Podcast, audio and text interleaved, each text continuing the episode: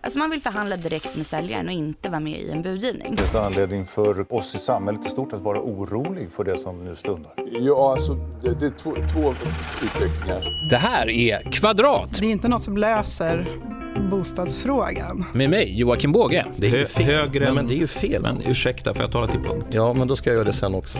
Och Petra Bergman. Det känns inte så härligt att höra ja men bostadssituationen blir bättre men jag har fortfarande inte bostad. En podd från EFN, Ekonomikanalen. Hej och välkomna till Kvadrat. Idag ska vi fortsätta att diskutera effekten av coronakrisen och det vanliga ämnet här i Kvadrat, bostadsbristen för unga. Ja, och det ska vi göra med Marcus Svanberg som är VD på Länsförsäkringar Fastighetsförmedling och eh, Johanna Frelin som är VD på Riksbyggen. Välkomna! Tack. Tackar, tackar. Marcus Svanberg, om vi börjar med dig. Vad får du för signaler om bostadsmarknaden just nu? Är det skräck där ute som vi har läst i tidningarna eller? Um, nej, jag tycker att en del tidningsrubriker har väl varit rätt överdrivna när det har talats om att det är fall på bostadsmarknaden, eller krasch eller ras och liknande. För det är det absolut inte. Um, det är rätt stor skillnad var man tittar i landet faktiskt. Där många orter har en nästan opåverkad bostadsmarknad. Ehm, om jag blickar tillbaka tre veckor och du hade frågat mig då vad jag trodde framåt så hade jag ju spått att bostadsmarknaden skulle påverkas i ganska hög utsträckning av coronakrisen. Men hittills har vi sett att det är ganska begränsat den här, den här påverkan. Då. Stockholm har absolut påverkats, men även i Stockholm så är det rätt olika beroende på eh, kontor, var i stan, innerstan, absolut. Det är färre på visningar, det är färre objekt som, eh, som säljs. Eh, men faktiskt har vi också sett en effekt där det har lagts ut fler objekt till försäljning. Det var en liten oväntad effekt, men det berodde på att det var väldigt många som hade bestämt sig för att man ska sälja någon gång här nu under våren. Man kanske har redan har sålt, eh, förlåt, man redan har köpt en bostad och så måste man sälja sin gamla bostad. Och då får man plötsligt ganska bråttom att lägga ut sin bostad till försäljning eh, och, och få den såld. För att man vet inte riktigt, kanske marknaden blir ännu sämre, det kanske blir ännu tuffare karantänbestämmelser och då vet man inte om man får den såld. Så då, då fick ganska många bråttom. Och då såg vi så här i slutet på mars att det lades ut ganska mycket bostäder, fler än förra året faktiskt då, i, i exempelvis Stockholmsområdet. Men, eh, men den där tendensen har liksom lugnat ner sig nu. Så nu ser vi väl att eh, det inte är lika mycket nya objekt som läggs ut. Men att eh, det rullar på, det går iväg objekt, lite längre försäljningstider. Ehm, men överlag en betydligt sundare bostadsmarknad än vad jag trodde som sagt för tre veckor sedan. Så det, det stora utbudet tror du beror på att det är folk som har bestämt sedan tidigare att de vill sälja helt enkelt? Absolut. Man har, men har du köpt en bostad, för det började bli så på marknaden igen att, att man vågade köpa först och, och, och sen sälja. Och då sitter man med två bostäder och vill ju väldigt gärna eh, få den befintliga bostaden såld. Mm. Den tendensen har vi sett i Stockholmstrakten, att eh, många sitter i en sån situation. Då. Mm.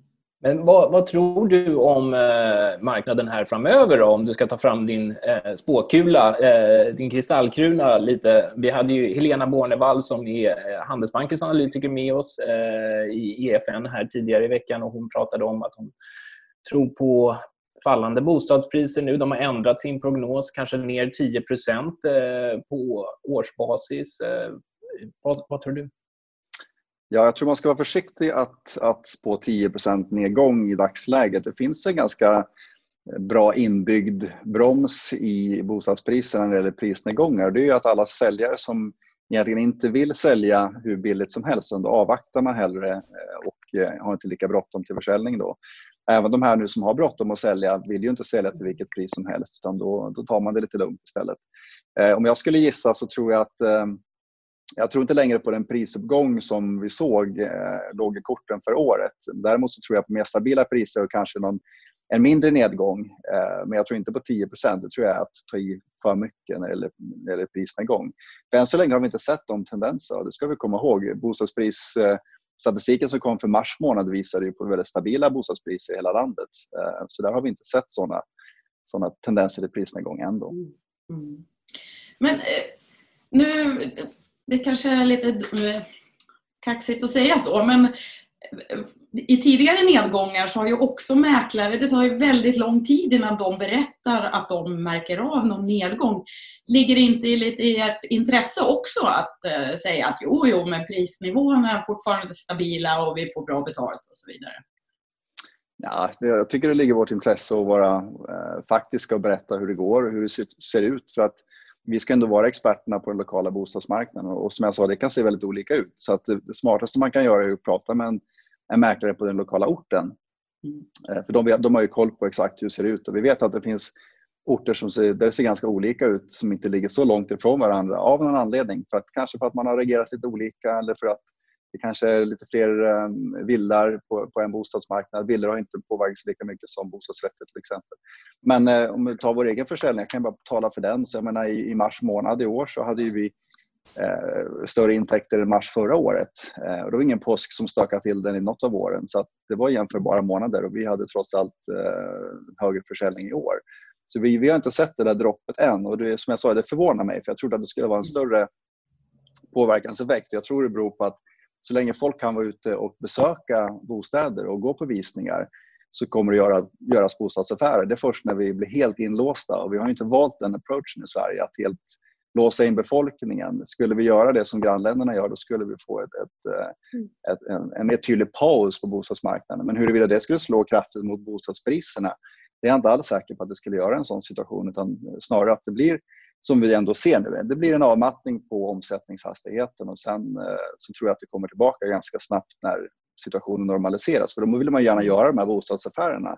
Vi, ehm, eh, vi kan ju konstatera att ehm, ja, situationer som de här gör att det blir ett uppdämt behov. Man kanske inser nu när man bor ihop så här tätt och nära och länge att ja, men det kanske är dags att flytta till ett större boende till exempel. Och, eh, man sitter, sitter tillsammans med barn och, och eh, fru och man hela tiden. Då, ja, men, då kanske man märker att vi behöver de där extra rummen. Så det kan mycket väl leda till att vi får en, en boost sen i antal som vill sälja sina bostäder och byta upp sig. Definitivt ett eget kontor måste man ha. Det här går ju inte. Exakt. Om man ska titta på något positivt i det här då, så har både Petra och jag noterat som har lite olika bevakningar ute på Hemnet och sådär, eh, att det är ett fantastiskt utbud nu. Vi har till exempel en bevakning på på Gotland. Nu hörde vi att Almedalsveckan i år ställs in och det ifrågasätts om det kommer bli samma sak som det har varit eh, tidigare. Och nu börjar vi se fler objekt komma ut i Visby och runt om i Gotland och sådär. Hur ska man tänka i den här marknaden och vad, vad kan det finnas för fördelar just nu att det är så stort utbud? Ja, fördelarna är med det här utbudet att eh, det finns att välja på. Det är ju alltid positivt. Då. Eh, sen huruvida det går att eh, göra fynd, ja. Finns det stort utbud så går det alltid att göra fynd om det finns någon som har extra bråttom att sälja. Det kanske inte är fullt lika mycket budgivningar. Men man ska inte tro att en, en taktik att gå ut och, och göra skambud är, är den rätta. För det, vi har inte sett att det är en strategi som brukar lyckas särskilt väl. utan men ta en dialog med, med mäklare som pratar med säljaren och se om det går att hitta, eh, vad kan man hitta ett, eh, ett bra pris helt enkelt. Men, så det går säkert att göra fynd men, men det är inte någon reamarknad, det skulle jag inte påstå. Men, men absolut, finns det mycket objekt ute så finns det mycket att välja på. Eh, just det här Gotlandsfallet som du nämner, jag vet inte om vi kan prata om att det finns en Almedalseffekt riktigt, för jag tror inte många på Gotland säljer sina bostäder för att inte bli Almedalen ett år. Men däremot så så är det ju vår och det är många som passar på att lägga ut sina bostäder. Har man tänkt sälja så tror jag vi ser samma effekt på Gotland som man har sett i Stockholm. Att, men, har man tänkt sälja senare i vår tänker man bäst vi snabbare och så lägger ut det nu till försäljning så att eh, så det blir sålt. Däremot så tror jag att Gotland kommer att få kanske snarare en avmattning av att det är många stockholmare som inte kan åka dit nu och titta på bostäder eller eh, lägga ut sina bostäder. Så att det kan också bli en sån effekt med tiden om inte så att resandet kommer igång igen så att vi får bege oss till, till semesterorterna så att säga inrikes. Finns det några marknader eller objekt eh, som du tycker ändå sticker ut när du pratar med dina eh, kollegor just nu? Ja, den spaningen är rätt tydlig att fritidshusen eh, är väldigt populära. Väldigt mycket folk på fritidshusvisningarna just nu. Och det är ju förmodligen, först var det ju flygskameffekten och nu är den ökad av coronaeffekten som innebär att man vet inte när kan vi åka på utlandssemester igen. Det är kanske är bäst att vi slår till på det där fritidshuset som vi har gått och funderat på. Och det märks på visningarna där det har varit väldigt, väldigt mycket folk på många visningar. Jag fick en rapport från vårt Norrtäljekontor till exempel där det hade varit väldigt mycket folk som man fick eh, ja, dela upp i grupper om fem och sen hålla på så med ett stort antal besökare. Ett objekt hade 50, 50 sällskap så det var ganska mycket folk som ville komma och titta på det, det, det objektet. Då. Så ja, eh, fritidshus är den stora spaningen tror jag. Att där eh, stort, stort intresse. Mm. Så vad, vad, ska man tänka på då som köpare just nu? Ja, som köpare, eh, ta tid på dig, titta på, titta på många objekt. Eh, det tror jag absolut är ett, eh, ett bra råd. Fundera över din boendeekonomi också då, för nu har du också fått den här möjligheten att prata med din bank och se om du kan vara mer flexibel vad gäller amorteringen. Det, eftersom amorteringskravet tillfälligt kan man säga, är på paus från Finansinspektionen så kan ju bankerna ge dig ett helt amorteringsfritt lån men det ska man inte räkna med att det kommer att vara för evigt utan nu har de gett den amorteringsfriheten fram till nästa sommar. Sen vet man inte om det förlängs. Då kanske det smäller på ett sedvanligt amorteringskrav efter det. Så det här tror jag man måste vara observant på. Sen tror jag inte det är rätt för alla att ta amorteringsfritt om man inte behöver. Fortfarande ska vi komma ihåg att det är bra för hushållsekonomin att amortera så man minskar sin, sin lånesituation över tid. Och många hushåll har ju fortfarande jobb kvar, räntorna är fortfarande låga och varför då inte allokera till amortering? Så jag tror man ska, även i den här situationen är det viktigt att man börjar där man alltid ska börja med att se över den privata ekonomin. Funderar över vad har vi för risker i ekonomin vad gäller bostadsköpet. Så man inte nu köper ett för dyrt objekt och sen så kanske någon blir arbetslös i hushållet tack vare coronaeffekten. Eh, och så får man det mycket tuffare. Så jag tror att privatekonomin, ehm, det är nog A och O just nu när man ska fundera på att köpa. Mm. Sen är det där, ska jag sälja först innan jag köper? Det är också väldigt viktigt att fundera över. Är man lite osäker på vad man ska få för sin bostad, då är det här grundläggande trygghetsrådet väldigt viktigt att sälj först, så vet du vad du har och sen kan du köpa ditt objekt och vet du hur mycket pengar du har att förfoga över. Just det. Och som säljare, vad ska man tänka på då?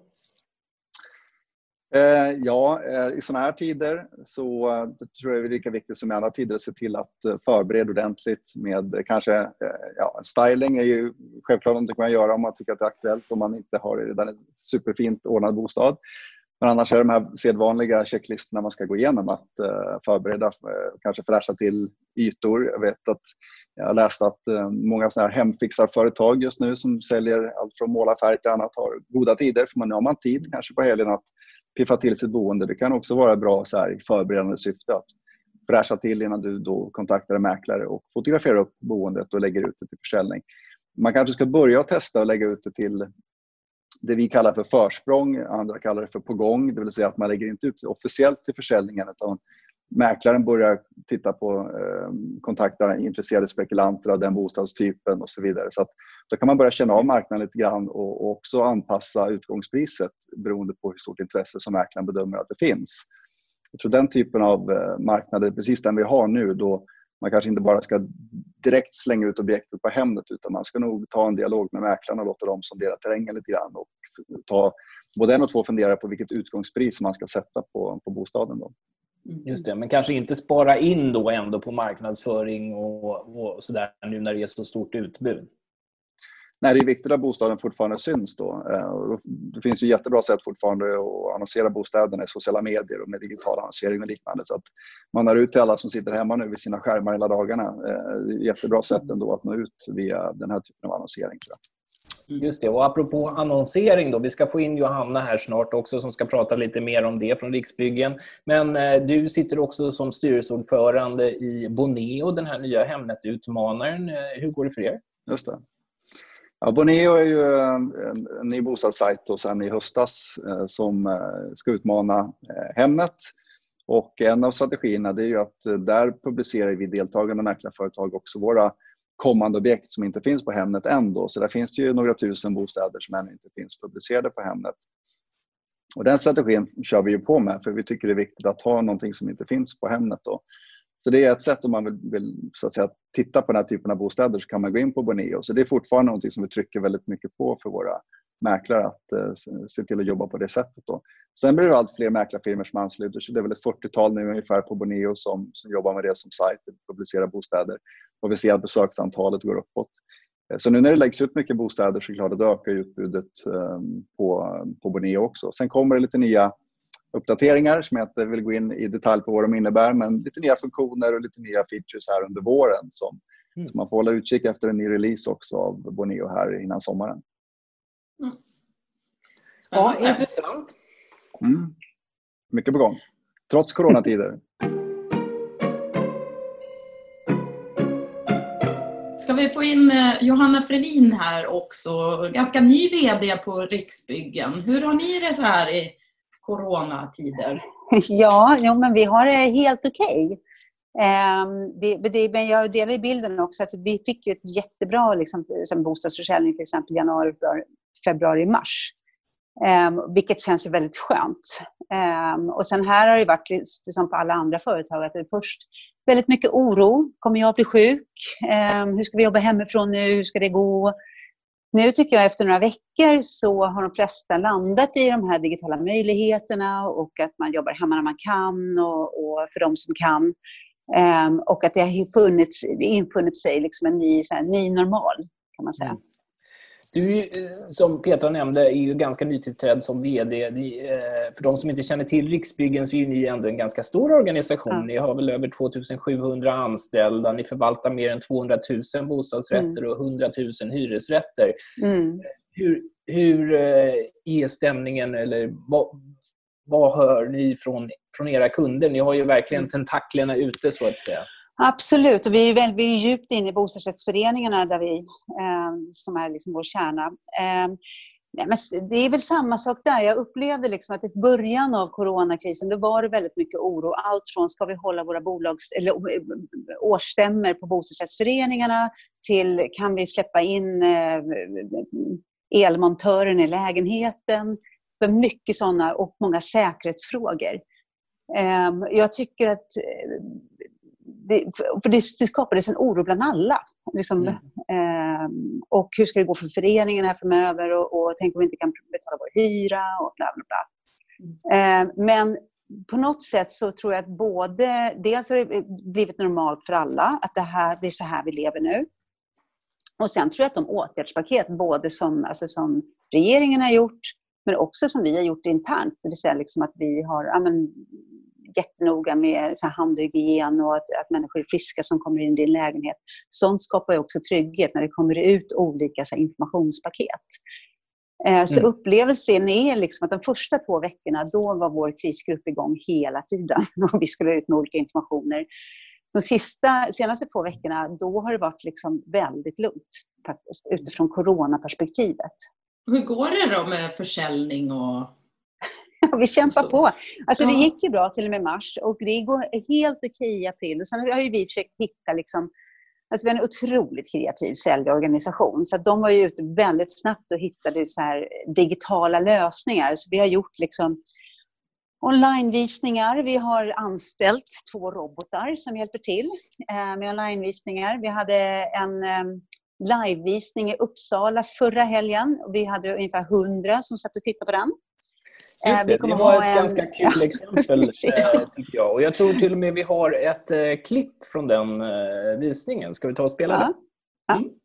Anledningen till att vi gör det här, att man tittar via Facebook och vi sitter här och snackar, och så här, det har ju att göra med att det är coronatider. Hur oh. är det att vara mäklare? Hur har ni hanterat det? Det har ju blivit mindre och mindre öppna visningar och mer och mer privata visningar. Mm. Så att jag tar kund för kund och visar den eller de lägenheterna i projekten som, som de vill se. Det är du som är den vandrande smittmaskinen. Ja, jag får hoppas att jag inte har någonting för då, då är det inte bra. Inte. Men ja, nej, så jag träffar fortfarande mycket folk. Ja. Men man får försöka hålla... Men inte alla på en gång? Inte alla på en gång. Skönt. Och med lite avstånd till, till folket, då, en meter eller mm. två. Mm. Mm. För det är annars det som är det jobbigaste med att gå på visningar, andra människor. Det är då ja, man eh, helst undviker nästan allt. Det är det positiva nu då, ja. att det, det, slipper man. Man slipper andra människor. Sverige är som gjort för det här. Ja. Ja, Sverige som gjort för det här. Vad säger ni? jo, men det tror jag på sätt och vis. Att, alltså, egentligen är ju människor Tidigare var ju människor ganska vana vid att köpa lägenheter på ritning. Alltså vi producerar väldigt mycket nya lägenheter. Um, och då kunde man ändå föreställa sig utifrån en ritning, utifrån fotografier, att ja, men, eh, hur mitt liv kommer att bli i den här lägenheten. Så då tänker jag att det här, utifrån det, sen hade vi en period när man var tvungen att se lägenheter, men utifrån att man ändå van vid att köpa, läsa ritningar och liksom föreställa sig, så utifrån det så tänker jag att det här ändå är ett, ett väldigt bra komplement, ett väldigt bra sätt att, att se din lägenhet eller att, att spekulera på en lägenhet och slippa gå dit. Um, för det är ganska jobbigt att gå runt på visningar också. Ja, vi, ser, vi ser ju precis samma tendens. Att det är, jag tror det här, vi märker det i alla yrkesroller nu att det är snabbare digital eh, transformation. Att alla lär sig Mm. de här digitala Mm. verktygen och tycker att det är okej och, och även vara med på, på digitala visningar. Så vi erbjuder ju också det förstås, att, att kunna köra en digital onlinevisning eh, vid behov. Eller att man spelar in en visning så att det är en videosnutt man kan titta på. Men det, jag tror ändå inte det kommer ersätta för de, de riktigt seriösa köparna de vill och måste ju fortfarande vara på plats, åtminstone när vi pratar begagnat och inte nyproduktion. Finns inte, finns inte eh, bostaden producerad, då är, det en, då är det en sak. Men finns den där, då vill man ju kliva in i bostaden, känna doften och, och se utsikten live och, och liksom vara på plats innan man väl skriver på ett avtal. Och kom ihåg, det finns ju en bes- besiktningsplikt också, så man måste ju faktiskt vara på plats och titta också innan det är dags att skriva på. Hur gick det då med, med den här Äh, Alltså jag, vet visningen? inte om, jag vet inte om lägenheten är såld men vi hade i alla fall 100 personer som kollade. Eh, och sen så eh, håller jag ju med, men man kan ju tänka sig att 100 personer kollar, att det är en bra screening-sätt att se så här, är det värt att gå dit och se lägenheten live? Eh, men eh, våra säljare var så himla nöjda, så det kommer ju en till visning på en ny lägenhet eh, på samma sätt. Så att, eh, jag tror att det här är- kommer att gå bra. Kul med en, en ciceron som är lite humor också, som sitter och... Exakt, det är en Uppsala-profil. Ja, Precis. Men eh, du har ju också drivit det här lite... Eh, jag läste pressmeddelandet när du tillträdde som ny Mm. VD att, att digitalisering var en, en viktig fråga som du ville driva. Eh, Ja. nu, du nämnde robotvisningar tidigare. Här är Ja. ett exempel på livestreamade eh, Ja. visningar. Tror du att den här coronakrisen eh, påskyndar den här digitala utvecklingen? Eh, Absolut.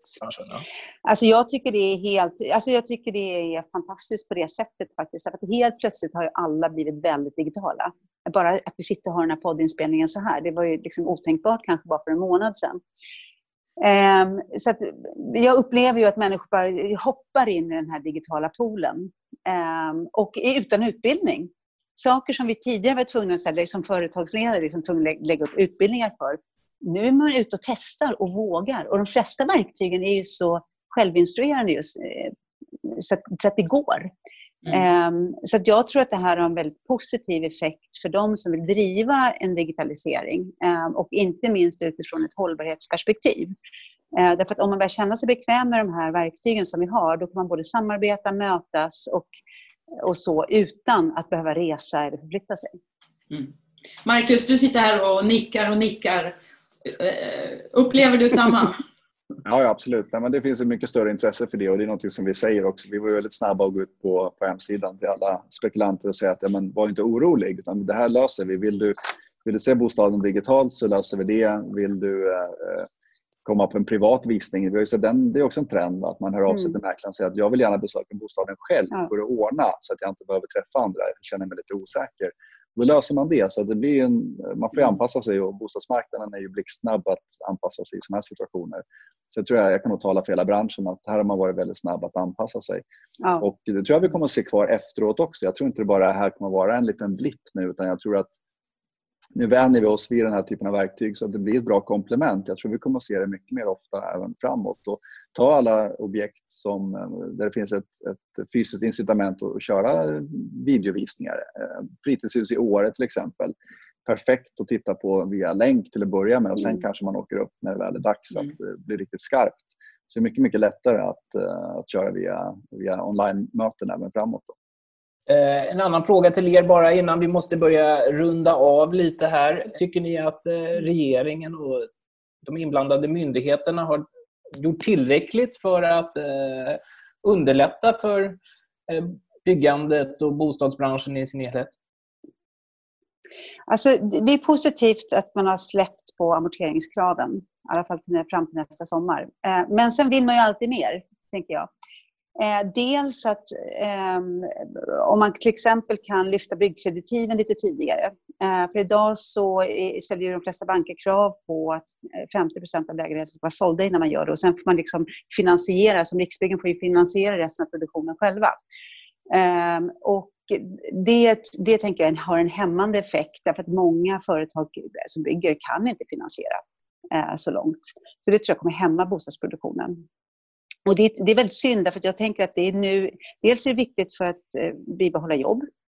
Eh, men den också, sen också vet vi att det finns en underliggande stor bostadsbrist, inte minst eh, bland unga människor. Och det är tillräckligt tufft för dem kanske att komma ut på arbetsmarknaden och bostadsmarknaden efter en coronakris om vi, vi kommer i, i en eh, lågkonjunktur.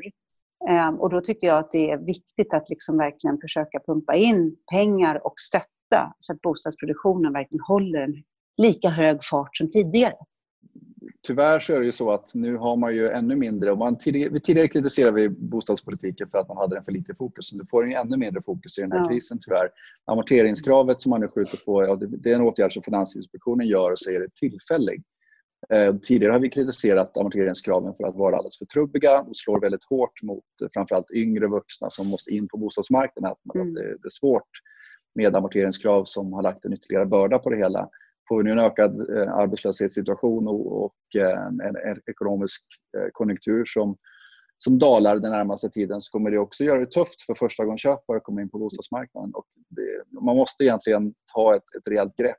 Nu när vi ser politikerna vara så otroligt handlingskraftiga i alla ekonomiska områden, så varför inte även sätta en grupp att snabbt se över hur kan vi underlätta även för bostadsmarknaden i den här tuffa situationen framåt tycker jag absolut är högaktuellt och det måste man också se över. Hur kan vi öka rörligheten för att just se till att frigöra bostäder för de som bäst behöver nya bostäder i dagsläget. Eh, och även titta på nyproduktion och allt det här. Det finns väldigt mycket att göra. Eh, och varför inte använda även den här krisen som en, ursäkt för att eh, ja, lossa i låsningar. För det är ju blockpolitik och låsningar i bostadsfrågan som gör att man inte kommer någon vart. När man använt corona som ursäkt för att kliva ur de här skyttegravspositionerna som man har då mellan partierna och eh, tänka nytt. tycker jag man kan göra. Jag tycker man ska anta Riksbyggens förslag om ungbolån, det vill säga eh, CSN-liknande stöd för unga människor för att, upp till 300 000 för att faktiskt kunna kliva in på bostadsmarknaden. Det är ett gyllene tillfälle just nu. Mm. Mm. mm. Ja, och det här mera, och hur vi ska få fram fler bostäder för unga och outsiders på bostadsmarknaden är en mm. fråga som vi inte heller kommer släppa här i Kvadrat utan vi kommer fortsätta återkomma till det och vi får hoppas att eh, någonting positivt kommer i den här coronakrisen då när det gäller eh, regeringens eh, handlingskraft i eh, att eh, förbättra situationen för den mer mm. utsatta gruppen. Mm. mm. Ja, ska vi ta och tacka gästerna Jocke? Det tycker jag. Mm. Tack så mycket Marcus Svanberg för att eh, du var med oss här och eh, Johanna Fredin på Riksbyggen. Tack, Stort tack. tack. tack. Stort tack själva. Vi som har gjort den här podden är Petra Bergman och Joakim Båge. Den här podden görs av EFN Ekonomikanalen. Ansvarig utgivare är Anna Fagerström. Vill du lyssna på någon av våra andra poddar? Sök på EFN där poddar finns.